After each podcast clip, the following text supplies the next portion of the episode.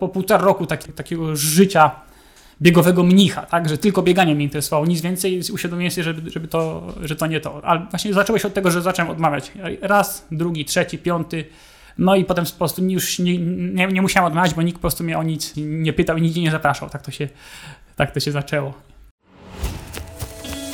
Słuchasz bieganie.pl Cześć, witamy Was w kolejnym odcinku podcastu bieganie.pl 42 195 FM. Moim gościem dzisiaj jest Mikołaj Raczyński. Chciałem wspólnie z Wami poznać historię osoby, która już od jakiegoś czasu w redakcji bieganie.pl mocno odpowiedzialna jest i mocno działa w temacie tekstów dotyczących treningów, teorii treningu, treningu uzupełniającego również w kooperacji. Pod ręki Mikołaja wychodzą również ciekawe rozmowy, rozmowy z biegaczami, między innymi z zagranicy, gdzie fajnie porównuje E, szkoły treningowe. E, Mikołaj to biegacz amator e, z życiówkami na poziomie 15-12 na piątaka, 31-20 na dyszkę, który również ma pod swoją opieką grupę zawodników. Dumny członek Wege Runners, znany w biegowym świecie jako biegający filozof. Cześć Mikołaj. Cześć, witam serdecznie. Wiesz co mi w całej tej układance nie pasuje? Nie wiem. Nie pasuje mi filozof, bo rozmawiając z Tobą i innymi osobami, które e, zajmują się też e, trenowaniem zawodników, coraz bardziej uzmysławiam sobie, że e, to trening biegowy to jest jednak kawał analitycznej roboty i e, trzeba mieć e, duże zamiłowanie do cyferek, a filozofia bardziej kojarzy mi się z takim humanistycznym tokiem myślenia. Czy ty nie myślałeś przypadkiem nad zmianą ksywki na przykład na poeta doctus?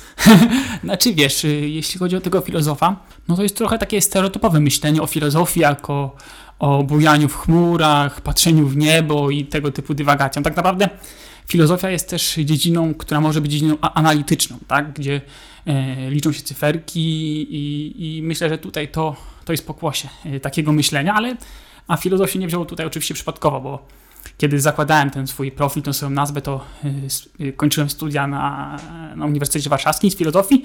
No i cały czas jestem jakoś związany z tą filozofią, bo staram się ukończyć doktorat z filozofii. Mam nadzieję, że to się uda, ale jestem, jestem już, już, już praktycznie na końcu tej drogi, więc, więc filozof myślę, że to była to chwytliwa, chwytliwa nazwa na, na, na, ten czas, no i często musiałem się z niej tłumaczyć. Ale chciałbym właśnie zerwać z tym stereotypem filozofa jako kogoś myślącego o, o nie wiadomo o czym i, i, i opowiadającego jakieś niestworzone historie. Filozofia może, może być bardzo, bardzo na, analityczną nauką też. Okej, okay, a tak na poważnie w takim razie, gdybyśmy mogli już e, zastanowić się nad e, tematem treningu biegowego, bo ty masz, tak jak widać e, po twoich tekstach, bardzo szeroki horyzont. Dużo lubisz czytać na ten temat, dużo analizujesz też szkół trenerskich osób z Polski, z zagranicy, na tyle, na ile wiadomo jest do tego dostęp. Chciałem się zapytać właśnie o Twoje spostrzeżenia odnośnie współczesnego treningu biegowego ile w tym jest e, faktycznie analityki, takiej chamskiej matematyki, a ile jest e, miejsca na popuszczenie wodzów fantazji? E, powiem Ci, że myślę, że dobry trening powinien być połączeniem, jak Ty to nazwałeś, chamskiej matematyki, chamskich cyferek i takiej fantazji, takiego nosa tenerskiego.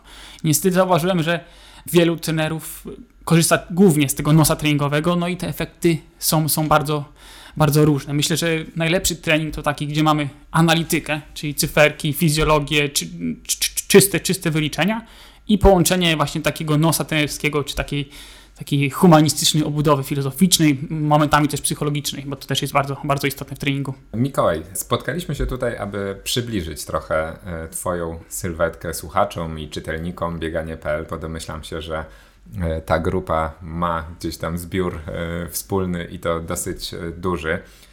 Pewnie sporo osób, które nas dzisiaj słuchają, zetknęło się z Twoimi treningowymi tekstami. A czy mógłbyś nam przybliżyć w ogóle swoją biegową historię? Ja zasłyszałem, że mm, Ty masz dosyć ciekawą historię początku biegowego, bo za Twoim biegowym początkiem stoi osoba Twojego taty. Zazwyczaj w takich historiach, kiedy stoi za biegaczem osoba ojca, no to jest tak, że albo sam ojciec był wcześniej sportowcem albo co najmniej nauczał wychowania fizycznego. Czy tak było też w Twoim przypadku? Yy, zupełnie nie. Znaczy, yy, początek jest jak najbardziej związany z tatą, ale tata nie był w żaden sposób związany ze sportem wtedy, kiedy, kiedy ten początek miał miejsce. Wszystko się zaczęło jakieś 10 lat temu, 10 albo 11 lat temu. Tata znalazł w okolicach Bydgoszczy, bo Bydgoszcz to jest moje rodzinne miasto, bieg ku czci Beatlesów. Był to bieg na 15 kilometrów tylko, że tata nie był w stanie przebiec tych 15 km, no bo, no bo w ogóle nie biegał wtedy. No i zapytał się, czy ja jestem w, sta- w stanie przebiec to 15 km, bo tam był taki pamiątkowy medal z jednym z Beatlesów. No i ja, jako że wtedy zawodowo grałem w koszykówkę w Astorii Bydgoszcz, gdzieś tam na, to była chyba druga liga wtedy, czy pierwsza, już nie pamiętam dokładnie, który to był, który to był okres, powiedziałem, że mogę spróbować. No i dwa tygodnie przed, przed biegiem na 15 km yy, stwierdziłem, że, że, że, że wystartuję w tym biegu i zdobędę ten medal dla taty. Tata szedł wtedy w takim towarzyszącym mm, marszu Nordic Walking. No i tak się właśnie zaczęła nasza przygoda, nasza wspólna przygoda, tak z, z bieganiem. Tata wtedy zaczął też biegać, założył sobie, że rok później przebiegnie ten bieg, żeby zdobyć medal, a w tym jeszcze pierwszym starcie to ja zdobyłem ten medal dla niego. A w jakim byłeś wtedy wieku, kiedy zaczynałeś? Dwa, 20 lat, około 20 lat. Czyli zacząłeś biegać notabene jako dorosły facet. E, ja tutaj przytoczyłem na samym początku Twoje e, życiówki z dystansu 5-10 km, no, które są na bardzo dobrym poziomie. Jeżeli jesteś osobą, która nie ma przeszłości lekkoatletycznej, nie uprawiała lekko, lekkiej atletyki, biegania jako, jako dziecko, no to są to e, na pewno wyniki, których bardzo wielu amatorów może takie wyniki traktować tylko, myśleć o nich w sferze marzeń czy tam wyobraźni. E, raczej one są dla wielu z nas e, bardzo trudne lub niemożliwe do osiągnięcia. Ile czasu w takim razie zajęło Ci, aby dotrzeć z tego poziomu zero, z tego poziomu transformacji e, od gier zespołowych, no bo też trzeba pamiętać, że nie jest to, to poziom taki kanapowy tak zwany, do dotarcia do, do tych swoich najlepszych wyników? Zacznę może od tego właśnie, że miałem ten, yy, miałem to zaplecze sportowe, bo jednak całe życie uprawiałem sport. Oczywiście były to zupełnie inne sporty, bo najpierw, najpierw grałem siatkówkę przez 3-4 lata, potem przez 7-8 lat trenowałem koszykówkę i to już był taki poziom, yy, poziom zawodowy tak naprawdę, bo byłem gdzieś tam w pierwszej lidze jednym no, zawodnikiem do, do rotacji bardzo daleki, ale jednak gdzieś tam, gdzieś tam w tym sporcie byłem. No i Rozgrywający, jak patrzę. Tak, tak, oczywiście, na... oczywiście. Nic. I tak byłem najniższy, najchudszy, mimo że ważyłem 15 kg więcej niż, niż w okresie szczytowym mojego biegania.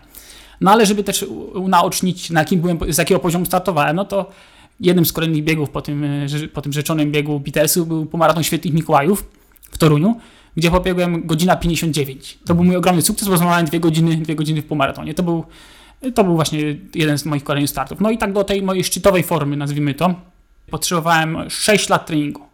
6 lat treningu, y, żeby dojść z tego poziomu 1,59 w półmaratonie do, do 31 minut na, na, na 10 km.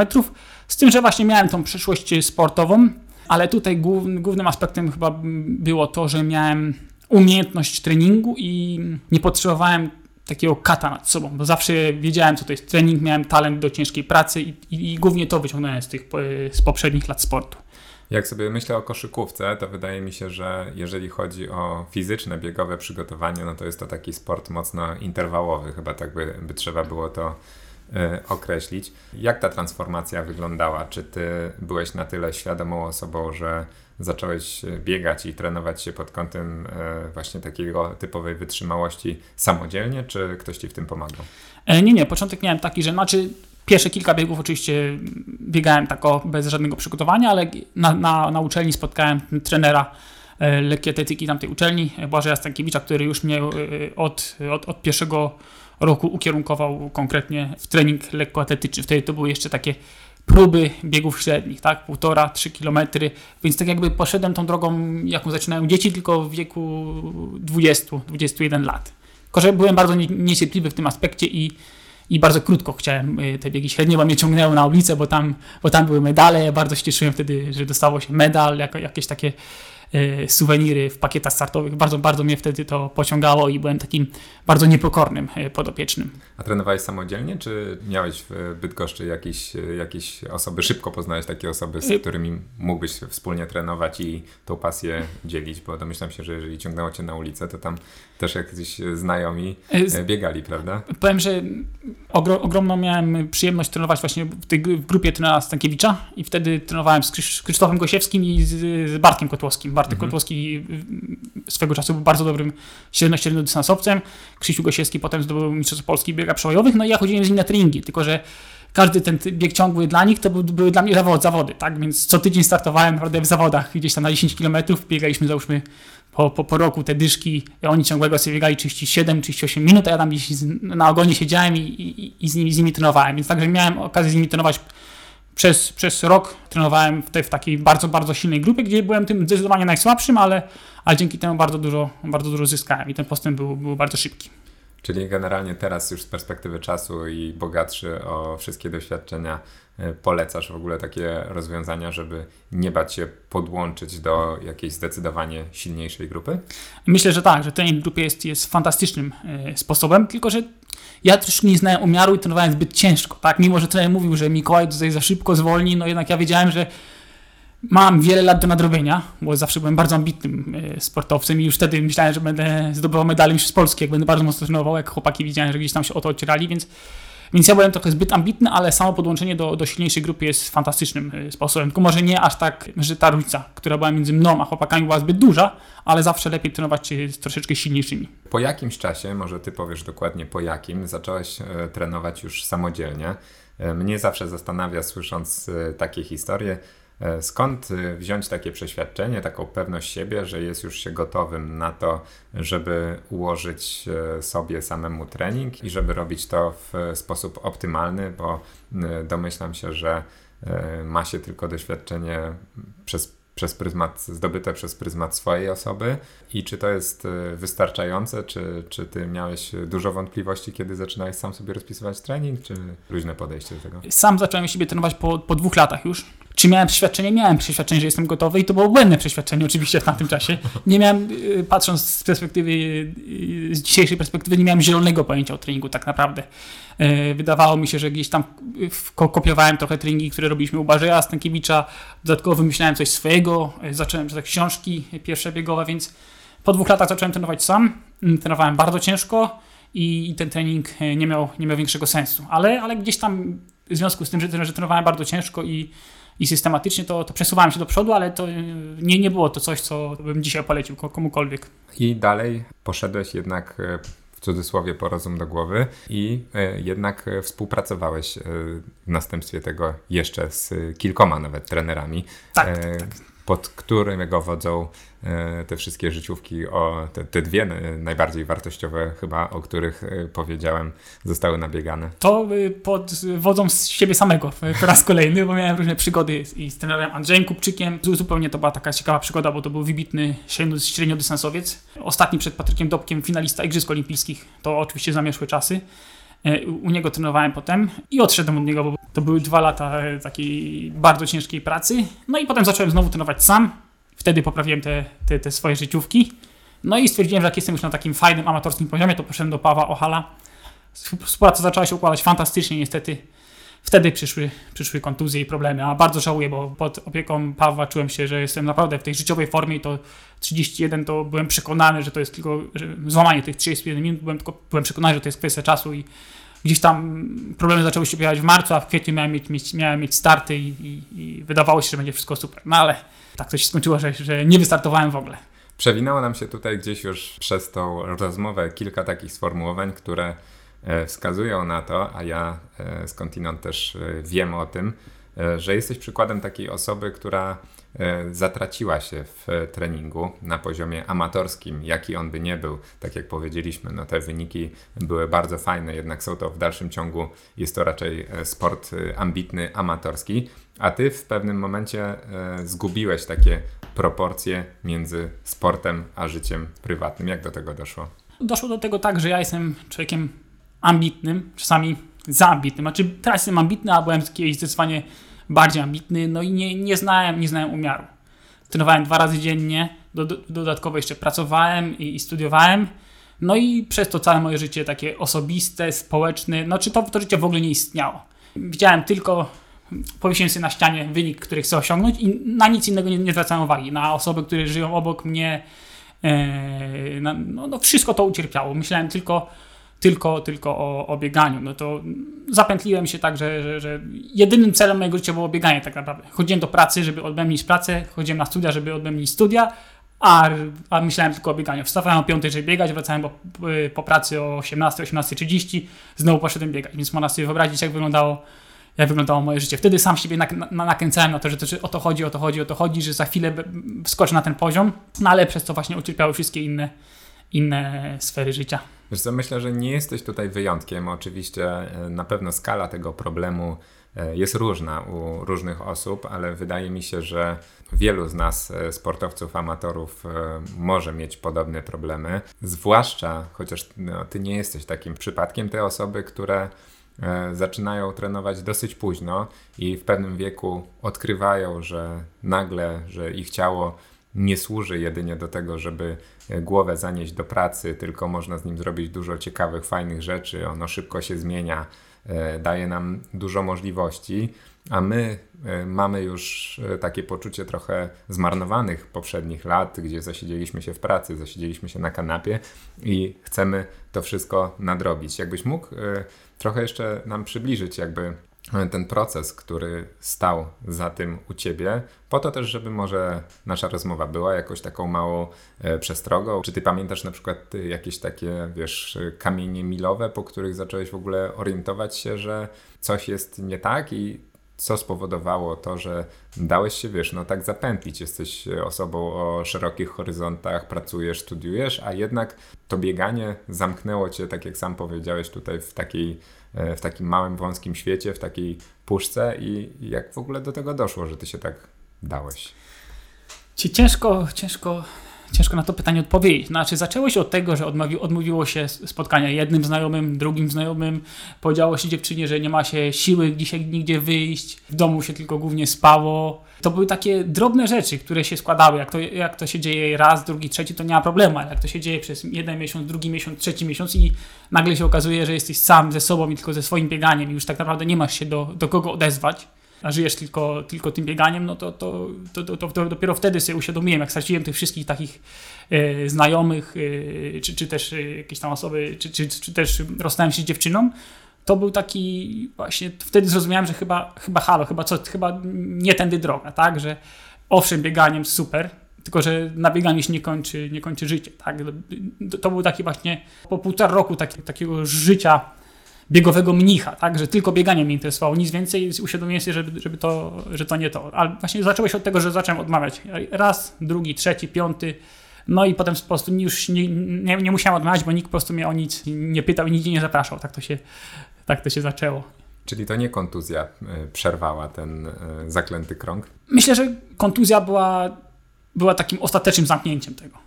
Dopiero, mhm. dopiero po kontuzji, e, czy w trakcie, w, znaczy w trakcie kontuzji zorientowałem się, że, że w sumie jest, istnieje życie poza tym bieganiem, tak? Że można się cieszyć bieganiem, że bieganie może sprawiać frajdę i że można też robić postępy, nawet, nawet nie na swoim przykładzie, ale też mając coś innego poza tym bieganiem. Czyli ta kontuzja można powiedzieć, że przewrotnie nawet trochę dobrego przyniosła znaczy, tak, w Twoim wypadku. Powiem Ci, że, że teraz z perspektywy czasu to cieszę się, że jest z miejsca, w którym jestem, tak? Mimo, że pewnie miałem te marzenia biegowe, które już nigdy, nigdy się nie uda zrealizować. Zawsze marzyłem o tych 29 minutach na, na dyszkę. Jako taki amator chciałem to zrobić i myślę, że to jest cały, cały czas do, do osiągnięcia dla amatorów.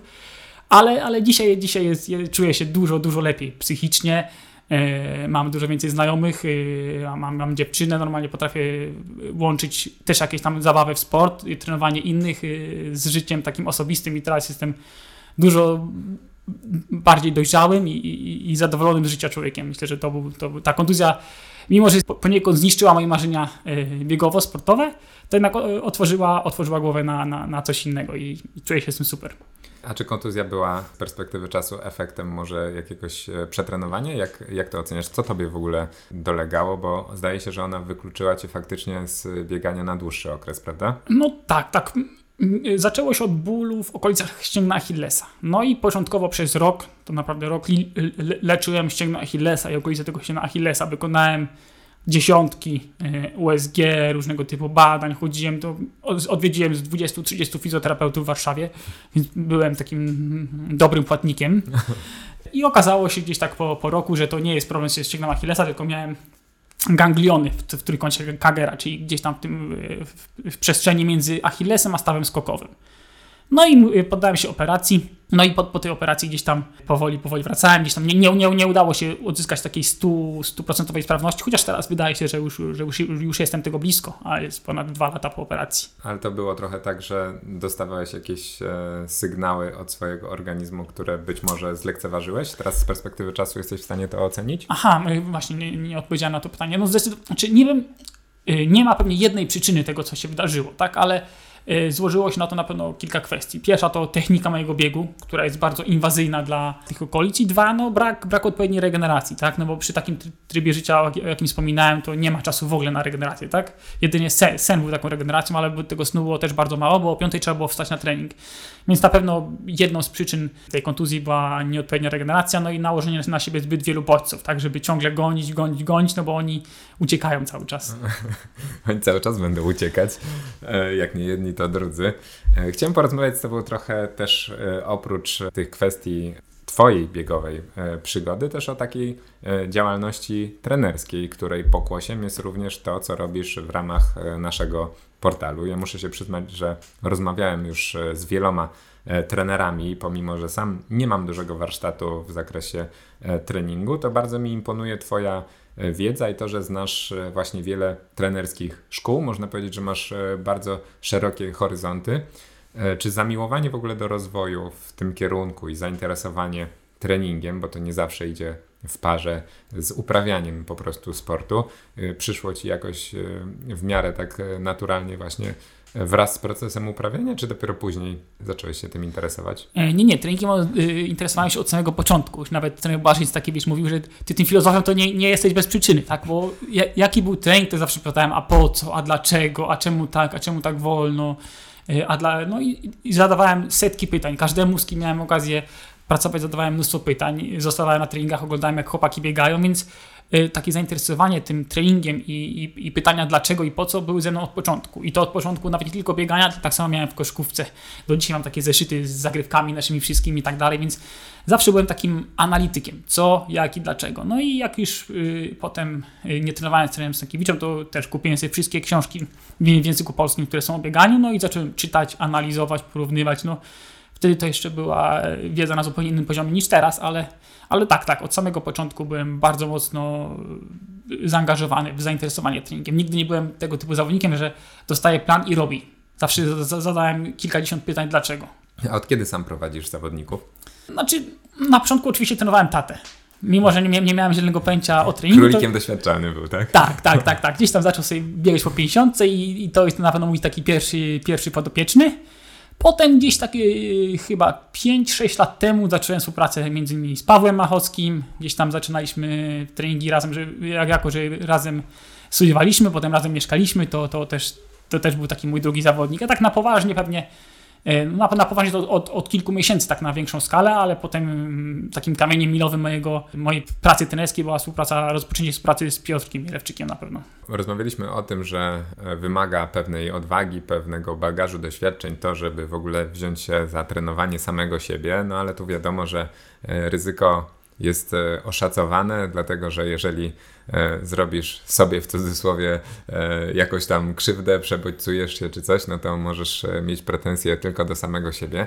A ja zawsze zastanawiam się, w którym momencie i po czym poznaje się, że już jesteś gotowy na to, żeby zacząć pomagać treningowo innych, no bo do tej pory masz przede wszystkim doświadczenie właśnie ze swoją osobą, z trenowaniem samego siebie, a to wbrew pozorom może być też pewnego rodzaju pułapka, bo jak na pewno e, wszyscy doskonale wiedzą, e, no taki przykład w świecie nauki, czy, czy treningu, czy innych aspektach, a na mnie działa, to jest najgorsze, co można, e, co można mieć, bo, bo można się zafiksować trochę na to, tak, i zapomnieć trochę o tym, że to, to na czym ja zbudowałem swoją przewagę, swój postęp, niekoniecznie będzie tak działało na innego zawodnika i dobrze mieć jakieś większe, szersze doświadczenie, jakąś grupę statystyczną. Co u Ciebie y, spowodowało, że już poczułeś się gotowy do tego, żeby trenować innych? Znaczy powiem Ci, że zaczęło się właśnie od, od sytuacji z Piotrkiem, e, który był, no, który jest cały czas bardzo doświadczonym zawodnikiem, no i gdzieś tam by, był na takim zakręcie swojej przygody z bieganiem, no i zapytał się, czy, czy ja bym go nie potrenował.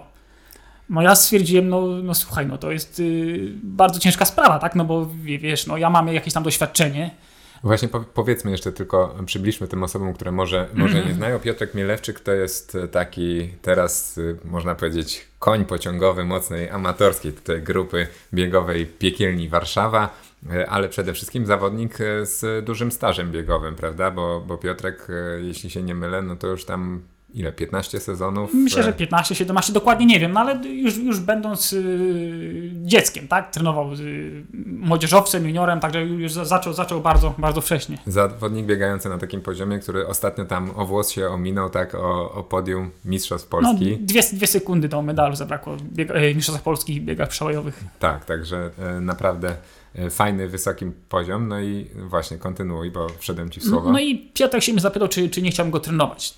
No, a ja się pytam, a dlaczego ja? No mówi, no ty w sumie o tym treningu to cały czas gadasz, myślisz, rozmyślasz, czytasz wszystko.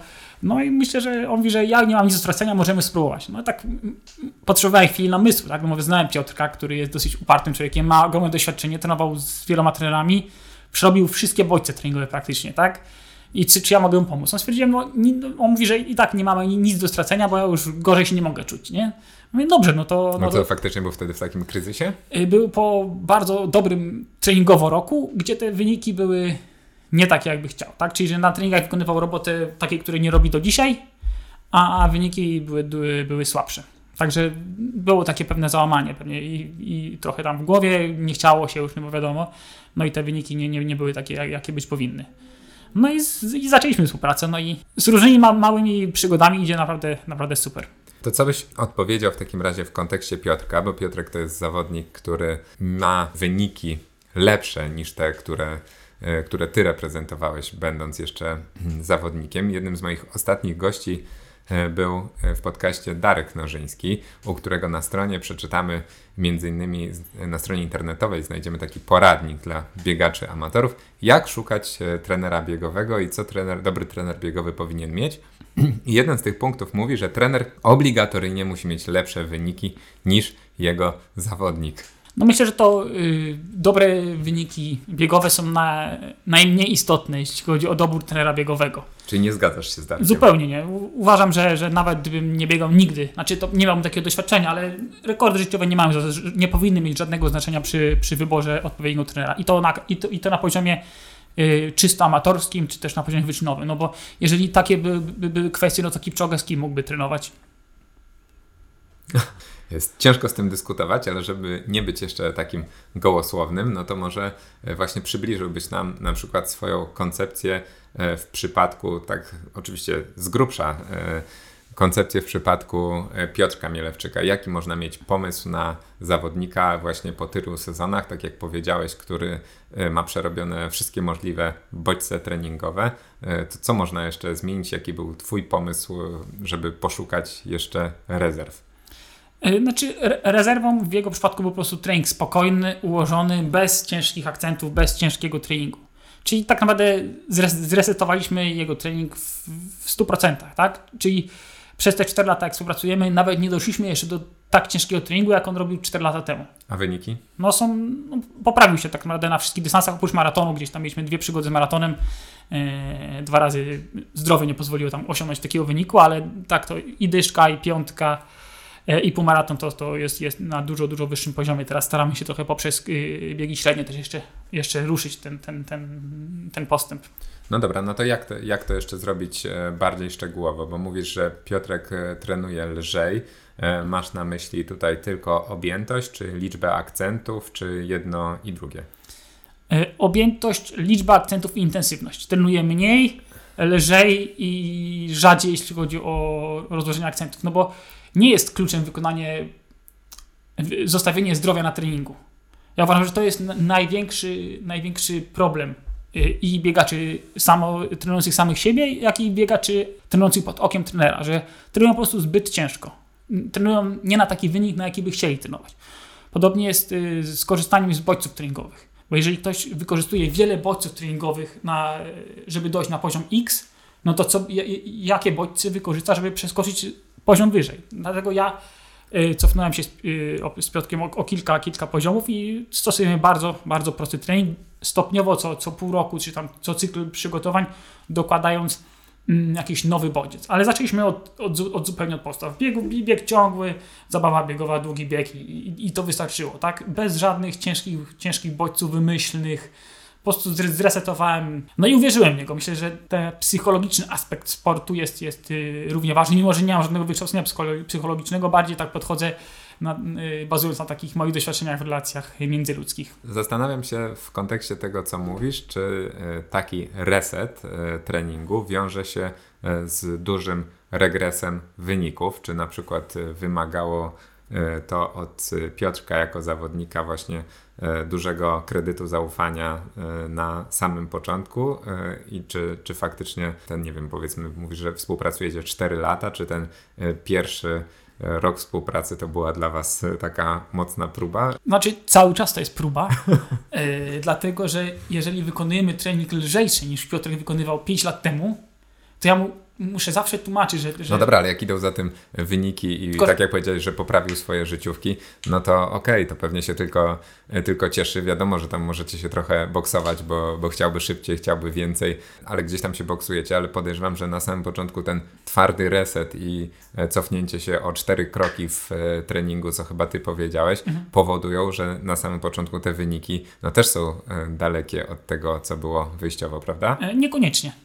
Niekoniecznie. Czasami odpuszczenie treningu przynosi pozytywne efekty. To nie jest tak, że on się cofnął wynikowo o kilka kroków, tylko cofnął się treningowo o kilka kroków. Mhm. Czyli wykonywał y, dużo, dużo mniej, mniejszy i lżejszy trening, a wyniki były na podobnym poziomie. Bo trzeba też pamiętać o tym, że przy zawodniku, który ma już naście lat treningu, no to ten trening cały czas u niego jest. To nie jest tak, że on gdzieś tam zapomniał. To po prostu czasami trzeba odpuścić i, i, i przeczekać. No ja miałem największy problem z tym, żeby wytłumaczyć mu, że jak kiedyś, jak, bo on lubi patrzeć do dzienniczka, zaglądać, że na przykład 4 lata temu biegał te tysiące 6 sekund szybciej. Mhm. No i dlaczego teraz nie biega tak? Mówię, no bo nie ma takiej potrzeby. To jest naj, największy problem, żeby zrozumieć, że nie można się porównywać jeden do jeden do tego, co było rok temu, dwa lata temu czy trzy lata temu. To nie ma, uważam, najmniejszego sensu. No dobra, zmienię trochę temat w takim razie, bo robi nam się podcast o Piotrze Mielewczyku. Ja nie wiem, czy on słucha e, akurat e, naszych podcastów. E, nigdy go o to nie pytałem. Jeżeli tak, to pozdrawiamy Cię, Piotrek, ale żeby nie musieć zatytułować tego podcastu odcinek o Piotrku Mielewczyku, no to trochę już odbijemy w drugą stronę. Powiedziałem we wstępie i podtrzymuję to, że ty jesteś taką osobą, która ma szeroki horyzont, jeżeli chodzi o trening, bo bardzo dużo y, interesowałeś się tym, interesujesz i, y, i patrzysz, y, co dzieje się w treningowo również w innych szkołach treningowych, dlatego chciałem się podpytać o te inne szkoły treningowe w takim aspekcie, hmm, jeżeli poznawałeś metody pracy i pomysły, filozofie treningowe innych trenerów, E, to który trener wywarł na tobie i potem ewentualnie też na, e, na twojej metodzie e, największy wpływ i czym ta filozofia jego i twoja w tym momencie się charakteryzuje? Szerokie pytanie. Bardzo szerokie pytanie. Na pewno jestem ciągle pod wpływem treningu amerykańskiego i brytyjskiego, który mm, bazuje na bardzo zróżnicowanym treningu, gdzie nie istnieje coś takiego jak jak drugi zakres, e, co jest podstawą w polskiej szkole treningowej. Jak to nie istnieje drugi zakres? No nie istnieje drugi zakres. Jak oni biegają? Nie wiem właśnie, no szybko. to jest cały, cały klucz tego, tego treningu, ale właśnie jak rozmawiałem e, z, z, ze znajomym z, właśnie z Anglii, to mówi, że on, ja się pytam, czy coś takiego jak drugi zakres, taka intensywność, mówi, że nigdy w życiu czegoś takiego nie biegał. Ja oczywiście nie, nie odwróciłem zupełnie drugiego zakresu, stosuję coś takiego jak bieg ciągły, ale nigdy nie nazywam tego drugiego, drugim zakresem, ale pomijając to. Na pewno szkoła amerykańska, trener Brad Hudson, o którym jakiś czas temu, z, z którym jakiś czas temu rozmawiałem i napisałem tekst o tym. Odsyłamy do bieganie.pl, bardzo fajny artykuł. Yy, na pewno trener Kanowa, to tacy dwaj najważniejsi trenerzy, ale Mm, to nie jest przypadek, że się na nich wzoruje głównie, bo oni opisali po prostu bardzo dokładnie swój trening. Tam, tam nie ma żadnej tajemnicy treningowej. Trener, trener Kanowa kilka lat temu udostępnił cały PDF, to ma ze 100-150 stron, gdzie krok po kroku opisuje trening, dlaczego tak, dla, dla, dlaczego, dlaczego nie inaczej. Jest opisany każdy bodziec treningowy, są przykładowe plany treningowe jego zawodników na, na poziomie tam 2,5, 2,6 w maratonie. e, dokładny opis, jest e, matematyczny temp, jakie powinno się wykonywać, więc i, i podobnie u trenera, u trenera Hudsona też jest, jest, jest ta jego taka czarna księga e, Hudsona, gdzie te treningi są bardzo, bardzo dokładnie opisane. No i myślę, że to są dwaj tacy trenerzy, z których najwięcej korzystam. Ale to się stało się trochę, stało się to trochę przypadkiem, a trochę nie, no bo, bo to oni najbardziej otworzyli mi oczy, poprzez właśnie dokładne opisanie tego treningu. To nie są takie miałkie teksty, gdzie 80% y, mm, jest laniem wody, po prostu jest takie samo mięsko treningowe, to co ja lubię najbardziej. To zatrzymamy się jeszcze na chwilę przy tym e, drugim zakresie, o którym powiedziałeś, mm. że zastępujesz go e, biegiem ciągłym. E, co masz konkretnie na myśli? Jaka intensywność tego, tego biegu i jakie pozostałe bodźce się pojawiają w takim cyklu treningowym? Że efekt może być tak dobry. Przy wyznaczaniu drugi zakres powinno się bazować na tętnie. A tętno nie jest tak bardzo stosowane w, na świecie. Tak, że biegacze nie robią badań wydolnościowych co chwilę i nie mają wyznaczonych tych stref, więc bazuje się na intensywności. Czyli intensywności i konkretnych tempach. Czyli na przykład jeśli chcę, żeby zawodnik biegał na średniej intensywności, no to wyznaczam, że biega załóżmy po 3,30. Nie mówię, że biegaj drugi zakres do tętna tego i tego. A biegi ciągłe to są bardzo różne rodzaje. Mamy, można mówić, że jest taki bieg ciągły, on często podchodzi pod ten polski trzeci zakres. To jest też coś innego. Dlatego bieg ciągły to jest bardzo szerokie pojęcie, dużo szersze pojęcie niż, niż drugi zakres. To odwracając e, to pierwotne pytanie, czy z kolei natrafiłeś na szkołę treningową taką, której ty kompletnie nie rozumiesz, której ty kompletnie nie kupujesz i, nie wiesz e, tak naprawdę, jak jest to w stanie e, przynosić spodziewane rezultaty, a jednak to te rezultaty przynosi i e, trener, który powiedzmy jest autorem takiej myśli, ma wielu czy jakichś tam utytułowanych zawodników? Jest taka, taka, taka szkoła i to nawet jest autor pierwszej książki, którą w życiu biegowej kupiłem. To jest trener Skarżyński, który ma ma, ma dosyć duże osiągnięcie, zarówno wśród y, swego czasu jakichś tam zawodniczek y, wyczynowych, jak i wśród amatorów. To jest jednak, jest, czy może, może bardziej był wielki autorytet polskiego środowiska y, biegowego, który tak naprawdę rozpoczął tą dyskusję treningową, bo te jego książki były pierwszymi takimi treningowymi książkami, w moim przypadku też, ale nie do końca pasuje mi ta, ten trening, w związku z tym, że tam występują skipy, które uważam, że w treningu rozpisywanym w książce czy na odległość są po prostu bardzo niebezpieczne ja nigdy bym nie, nie, nie zaproponował biegaczom, amatorom wykonywania skipów bez y, spojrzenia na to, jak to robią. Tam właśnie są te drugie zakresy, które są podstawą tego treningu. No i myślę, że właśnie to, to są te aspekty, które najbardziej mnie odrzucają od tego, o, od, tego, od tego planu, od tych programów, ale zdaję sobie sprawę, że, że spora część osób wykonuje ten trening i on przynosi efekty. Dlatego ja nigdy nie mówię o jakimś planie treningowym, że jest y, zły. On może po prostu mi nie odpowiadać, a może być nieodpowiedni dla konkretnego zawodnika. I to jest też bardzo ważna sprawa. Jak ktoś jakiś trener mówi, że to jest trening zły czy dobry, to nie jest tak. On może być po prostu nieodpowiedni dla jednego zawodnika, bo dla kogoś jeden trening może być super, a, a dla drugiej osoby może być zupełnie niszczący. To, to jest też bardzo, bardzo istotna sprawa, żeby gdzieś tam chociaż mały stopień tej, tej indywidualizacji e, w planie treningowym. A dlaczego uważasz, że te skipy są takie ryzykowne? Bo ja słyszałem taką oczywiście yy, teorię, ona jest dosyć powszechna, że E, zwłaszcza w przypadku e, amatorów, e, bardzo ryzykownym ćwiczeniem są na przykład wieloskoki, ale same skipy to jest chyba dosyć powszechne, jeżeli chodzi o rozpisywanie przez trenerów zawodnikom, amatorom zdalnie. Dlaczego ty uważasz, że to jest aż tak ryzykowne ćwiczenie? No, one są też dosyć, dosyć inwazyjne. Tak, skip A to jednak jest też bardzo dużo, wiele skoków, tak podobnie skip B Y, no i każdy, ja, ja jestem zwolennikiem zdania, y, zwolennikiem teorii, że każde źle wykonywanie ćwiczenia nie przynosi efektów, a przynosi właśnie te negatywne skutki. Dlatego jeśli nie widzę, że zawodnik to dobrze wykonuje, to, to, to, to nie ma po prostu to sensu. Tak? Dzisiaj umówiliśmy się, e, Mikołaj, na to, że poruszymy któryś z tematów około treningowych, może nie jakoś bardzo głęboko, ale zatrzymamy się przez chwilę, żeby nasz podcast też e, uczynić po prostu użytecznym i skorzystać e, z Twojej wiedzy pod kątem wyjaśnienia jakiegoś aspektu. Umówiliśmy się, że porozmawiamy sobie o znaczeniu cierpliwości w treningu. Czy Twoja historia, którą opowiedziałeś nam, ma związek z tym, że sam nie byłeś cierpliwym zawodnikiem, czy może to nie jest ten przypadek i u Ciebie to chodzi o trochę inną cechę? Tak, z pewnością gdzieś tam tej cierpliwości mi mi zabrakło tej cierpliwości i, i nie, nie gonienia ciągle za tym, żeby, żeby być szybszym tu i teraz. Zabrakło tej cierpliwości, tego myślenia długo, długofalowego, zdecydowanie.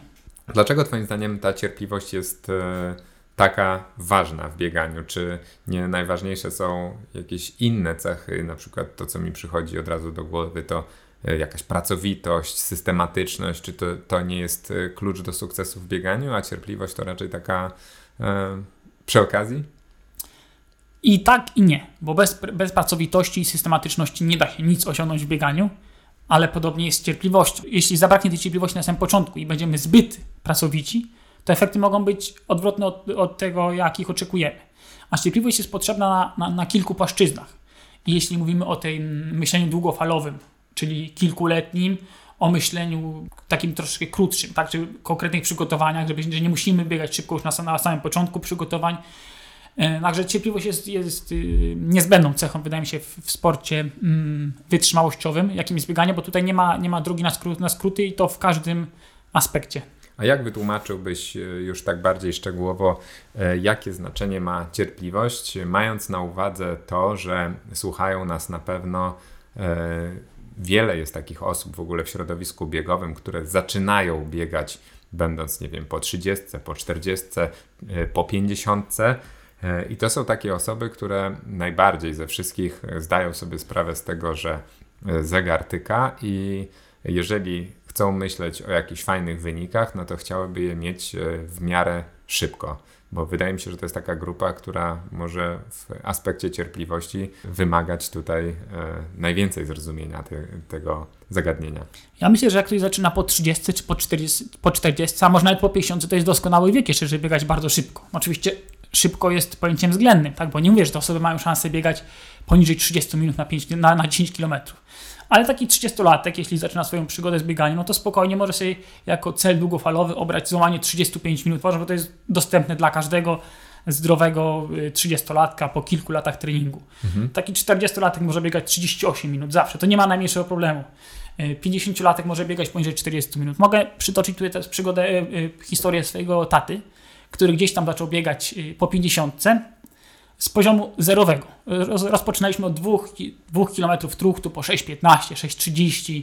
Pierwsze starty na 10 km to jest po, dużo powyżej godziny, a gdzieś tam w wieku 58-59 lat, 59 lat biegał 10 km poniżej 40 minut, a po 60 jeszcze cały czas regularnie 5 km biega poniżej 20 minut. Mhm. Może to obie, znaczy nie są to może wyniki, które robią wrażenie tak ogólnie, tak? No bo łamanie 20 minut, no to jest powszechne, tak? Tylko, że jeśli, patrzymy na człowieka, który ma 60 parę lat i nie ma żadnej przeszłości biegowej, no to pokazuje, że można, tak? I to z treningu 3-4 razy w tygodniu, bardzo, bardzo spokojnego. Rozumiem, że ty cały czas prowadzisz treningowo swojego tata. Tak, tak, tak, oczywiście. Jest to mój pierwszy i mam nadzieję, że to będzie mój ostatni zawodnik. Okej. Okay. To w takim razie skąd e, wynika i jakie błędy popełniamy, jeżeli chodzi o ten aspekt e, cierpliwości, a w zasadzie jego braku? Ja uważam, że pierwszym błędem, e, który spotyka każdego z nas i spotkał także mnie, jest chęć biegania jak najdłuższych dystansów od samego początku. Ja chciałem od razu biegać 10 km, ale często są ludzie, którzy zaczynają bieganie i ich, ich pierwszym celem jest maraton, a jeszcze w gorszych, bardziej skrajnych przypadkach 100 km czy jakieś inne biegi, biegi ultra.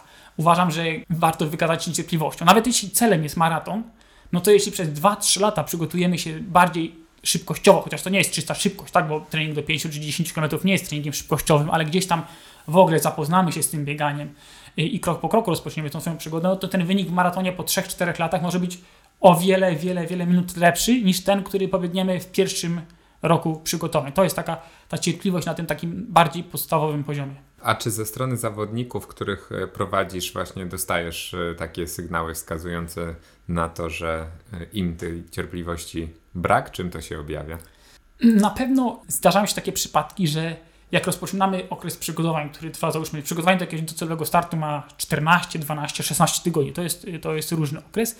No i na początku tych przygotowań biegamy wolno no to tutaj faktycznie czasami się pojawiają pytania, dlaczego tak wolno, czy musi być tak wolno, czy, czy nie powinno być trochę szybciej. Ja mówię, że to wszystko jest, wszystko jest proces. Trzeba uwierzyć w ten proces, dopiero wtedy yy, przyjdą te efekty. Wracam jeszcze chociażby do przykładu Piotrka, bo to jest yy, myślę, że doskonały przypadek. W tym roku przygotowując się właśnie do Mistrzostw Polskich Biegów Szajowych, Piotr gdzieś tam startował w, w poszczególnych biegach. No i na City Trail w Poznaniu gdzieś tam dobiegł chyba czwarty czy, czy coś takiego, przegrywając z, kilkoma chłopakami, tak? No ale to było jeszcze 8 tygodni czy 6 tygodni przed startem. I Piotr był załamany, mówi, że w sumie nie, mamy, nie, nie ma sensu, no, no nie startujemy, no nic nie przygotujemy. Mówię, no spokojnie, to, to był tylko mały kroczek do celu. No i też tam 6-8 tygodni później e, wygrał z tymi zawodnikami, tak? E, z dwoma chyba, czy z jednym na pewno zdecydowanie wygrał w tym starcie docelowym, więc tutaj jest ta cierpliwość właśnie też w trakcie tych przygotowań, żeby, żebyśmy mieli świadomość, że ten start docelowy jest tym momentem, w którym musimy być w tej optymalnej formie, a nie 10 czy 12 tygodni, tygodni wcześniej. Co może zrobić e, trener w takiej sytuacji, aby nie wystawiać tak mocno zawodnika na taką próbę cierpliwości? Czy E, stosujesz jakieś takie rozwiązania, no bo wyobrażam sobie, że e, mając zarysowany cel długofalowy, e, nie każdy jest w stanie tak na słowo uwierzyć temu trenerowi, że będzie tak jak, tak jak opowiadałeś chociażby na przykładzie Piotrka przed chwilą, że w 12 tygodni jest w stanie tak dużą różnicę potencjału E, sprzedać na, na zawodach. Czy ty stosujesz jakieś, e, nie wiem, tłumaczysz jakoś ten proces, nie wiem, albo stosujesz jakieś cele pośrednie, które e, jeżeli są przewidywalne dla zawodnika, to też uświadamiają go w tym jakby długofalowym procesie, w którym miejscu się znajduje? Jedno to jest rozmowa i to, że ja staram się przekazać, że, że, że ta forma ma przyjść w odpowiednim momencie, a dwa to jest takie małe oszukiwanie tych zawodników i nie dawanie im y, możliwości sprawdzania się na treningach. To jest ten klucz. Ja nigdy nie chciałbym, żeby zawodnik, jeśli nie jest dobrze przygotowany, żeby sprawdzał się, czy, czy już jest ta forma, czy nie jest ta forma. Dlatego na początku przygotowań, zamiast y, odcinków na przykład y, na konkretnym dystansie, to daję y, odcinki minutowe, czy po prostu y, polegam na czasie. I wtedy ten zawodnik nie do końca y, wie, czy, czy, czy, czy jest ta forma, czy nie ma tej formy. Tak samo można zamiast standardowych odcinków kilometrowych zawodnikowi zaplanować odcinki 900 metrowe. To jest taki sam bodziec, tylko że nie będzie porównania, tak? Dopiero by musiał usiąść, policzyć sobie w tabelce, czy, czy, czy, czy to ma sens, nie? Ale jak ktoś pobiega, załóżmy, 900 tempem, jaki biegał, trochę wolniej niż biegał jakieś kilometrówki, no to w taki sposób właśnie można, można, można troszkę oszukiwać tych zawodników. Ja, ja staram się właśnie coś takiego, coś takiego stosować i to przynosi efekty. A w drugą stronę stosujesz takie sprawdziany, wiedząc, że że ta forma już jest gdzieś tam gotowa i treningowo dajesz możliwość sprawdzenia się zawodnikom na zasadzie takiej, że ty i tak już y, wiesz swoje, ale wiesz, że zawodnik motywacyjnie na tym mocno zyska? Tak, tak. To jest też rewelacyjny sposób. Jak wiem, że zawodnik już, już jest w topie, już załóżmy ten dwa tygodnie przed startem, no to daj, daję mu to sobie udowodnić. Robię taki trening, na przykład, gdzie ostatni kilometr idziesz mocno, no i wtedy jak ja jak, wiem, że on popełnił to mocno, to wtedy dostaję właśnie odpowiedź, że, że jest super, to jest, to jest to właśnie o to chodzi, nie? To, to właśnie tak, tak, jak najbardziej. Trzeba, to właśnie jest y, ca, cały też klucz y, treningu z y, relacji trener-zawodnik. Tutaj nie chodzi nawet o, o samo czyste ułożenie planu, tylko zrozumienie potrzeb tego zawodnika. Niektórzy nie potrzebują tego, niektórzy po prostu ufają i są jak maszyny, wykonują ten trening, nie ma żadnego problemu. Ale jeśli ktoś zadaje dużo pytań, no to trzeba go cały czas tak sterować, żeby, żeby on y, był przekonany, że, że to ma sens. Mam nadzieję, że moi zawodnicy tego nie będą słuchać, ale... ale, ale Znam kilku, którzy będą na pewno. ale jeśli, jeśli ktoś już ze mną y, y, pracuje jakiś czas, to nie potrzebuje tego uświadomienia sobie, że jest w dobrej formie, ale czasami warto. Warto tak właśnie udowodnić zawodnikowi, że, że, że jest w dobrej formie. To fajna klamra. E, chciałem się w takim razie jeszcze e, zatrzymać na chwilę, e, kończąc powoli naszą rozmowę przy Twojej osobie, bo opowiedziałeś nam swoją fajną historię, która się zakończyła kontuzją i, i happy endu tam nie było. Powiedziałeś, że, że przeszedłeś operację, że teraz jest, jest już prawie ok. To powiedz nam trochę o tym, gdzie dzisiaj jesteś ze swoim bieganiem bo wiem skądinąd, że masz taką zasadę właśnie, że wyznajesz e, teorię, że cel jakiś musi być, więc e, na jakim jesteś etapie teraz i jakie są twoje cele? Znaczy ja z jednej strony się pogodziłem z tym, że już y, moja kariera sportowa za mną, ale z drugiej strony mam jeszcze jedno takie marzenie, cel, który chcę zrealizować i jest to zdobycie medalu Mistrzostw Polski. Yy, obecnie w takim sporcie założyłem sobie, że po prostu muszę ten medal Mistrzostw Polski ale mieć. Ale ty, ty, już masz chyba medal Mistrzostw Polski. Druży, drużynowy, tak, na, na 10 km właśnie z chłopakami z LKS Ostrometko, właśnie z Bartkiem i z Krzysiem zdobyliśmy, ale to był medal drużynowy, a ja chcę być koniecznie, wejść sam na to podium i, i, i ten medal odebrać. Najlepiej, żeby to był medal złoty, No ale mam taki cel, że chcę właśnie zdobyć medal mistrzostw Polski i w tym momencie przygotowuję się do duatlonu. Jako, że od razu po operacji zacząłem iść na rowerze, od trzech miesięcy zacząłem co, coś tam trenować, po 40-50 km tygodniowo biegam. No i stwierdziłem, że, że no to postaram się to połączyć i, i, i wystartuję w duatlonie już wiosną. Nie wiem, czy jest szansa na medal przez Polski. Oczywiście mówimy o tych medalów age group, tak? Nie, nie mówimy o, o, zawodach pro. Nie wiem, czy jest, czy jest szansa zdobyć ten medal przez Polski, ale mam taki cel, ja zawsze potrzebuję cel. No i myślę, że, że, że będę próbował. Mam nadzieję, że coś tam się uda, uda namieszać. Jestem bardzo, bardzo podekscytowany tym wszystkim. Oczywiście już to nie jest takie trenowanie jak kiedyś, tak, że poświęcam wszystko. Głównie się bawię tym tak naprawdę. Potrafię się bardzo mocno zmęczyć na treningach i wiem, co mniej więcej muszę ze sobą robić, ale to takie jest taka zabawa sport, no i ciągle pogoń za tymi marzeniami, tak? Nie wiem, jak zdobędę ten medal mistrzostw Polski, to nie wiem, co wtedy, co wtedy, co wtedy, co wtedy się stanie. Mam nadzieję, że, że będę miał ten dylemat. A mówiąc duatlon, to od razu oczywiście mam też przed oczami triatlon, gdzie mając znajomych, którzy uprawiają, bo to jest e, dosyć e, popularna dyscyplina. No wiem, że oni bardzo dużo czasu poświęcają na, na trening. Często to jest kilkanaście, dwadzieścia godzin tygodniowo, żeby nawet ten przyzwoity amatorski poziom jakiś tam osiągnąć. Jak to wygląda w duatlonie? To jest coś pomiędzy? tak, no ja w tym momencie trenuję dosyć dużo, bo to jest w ostatnich tygodniach wychodziło 14 godzin tygodniowo.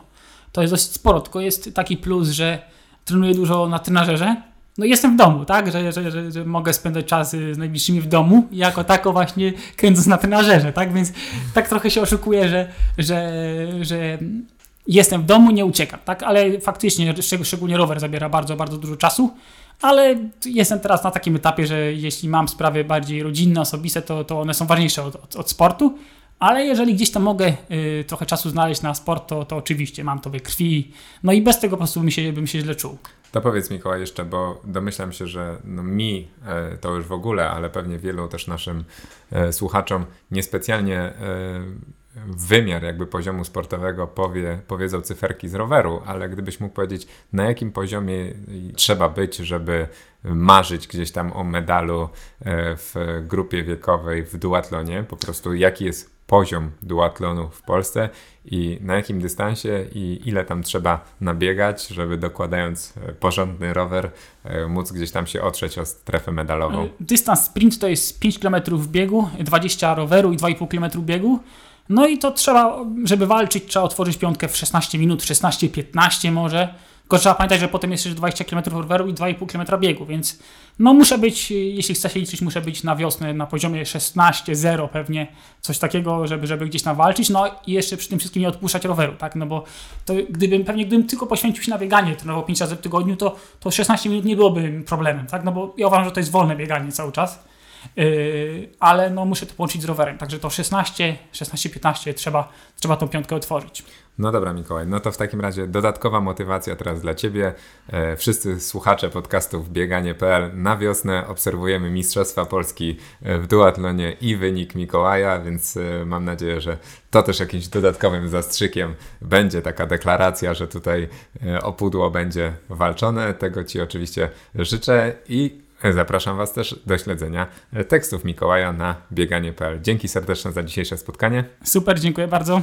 E, dziękuję Wam, że byliście z nami i zapraszam Was do kolejnych odcinków podcastu bieganie.pl. Do usłyszenia.